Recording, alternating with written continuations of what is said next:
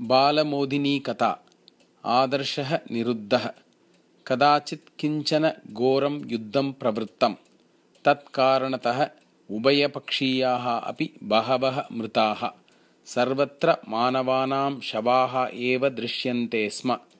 कूपेषु पुष्करिणीषु चापि शवाः एव। रुदिरस्य धारा रक्तनदी इव प्रवहति स्म।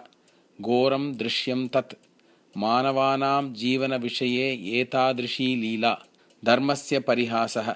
एतद्दृष्ट्वा सद्भावना कुण्ठितगतिका सति एतस्मात् लोकात् निर्गता। कल्पना स्वकीयं शिरः कम्पयन्ती अवनतशिरस्का जाता।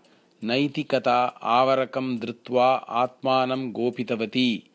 कतिपयैः जनैः सह आदर्शः अपि भीतो भूत्वा आतङ्केन निरवच्छिन्नतया पलायनम् आरब्धवान्।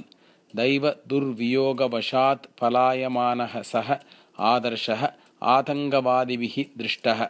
ते आतङ्कवादिनः तस्य अनुधावनं कृतवन्तः।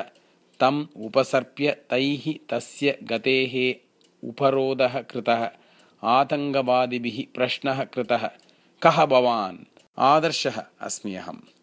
कोऽस्ति भवतः धर्मः मानवतारक्षणं मम धर्मः इति वदन् आदर्शः स्वकीयैः मित्रैः सह सहसा पुनः धावनम् आरब्धवान्।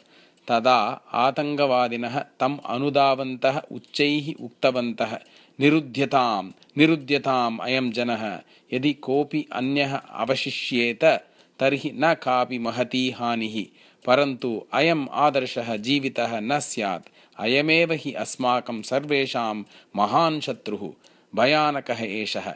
एतस्य न जातिसम्बन्धः न वा मतसम्बन्धः। धनिकनिर्धनभेदः स्त्रीपुरुषभेदः वा एतस्य नास्ति। एषः यदि सजीवं तिष्ठेत् तर्हि अस्माकं मरणं निश्चितम्।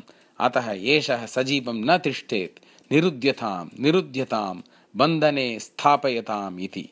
एवम् आदर्शस्य ग्रहणं सञ्जातम् ततः आरभ्य सः आतङ्कवादिनाम् अज्ञाते स्थले निरुद्धः वर्तते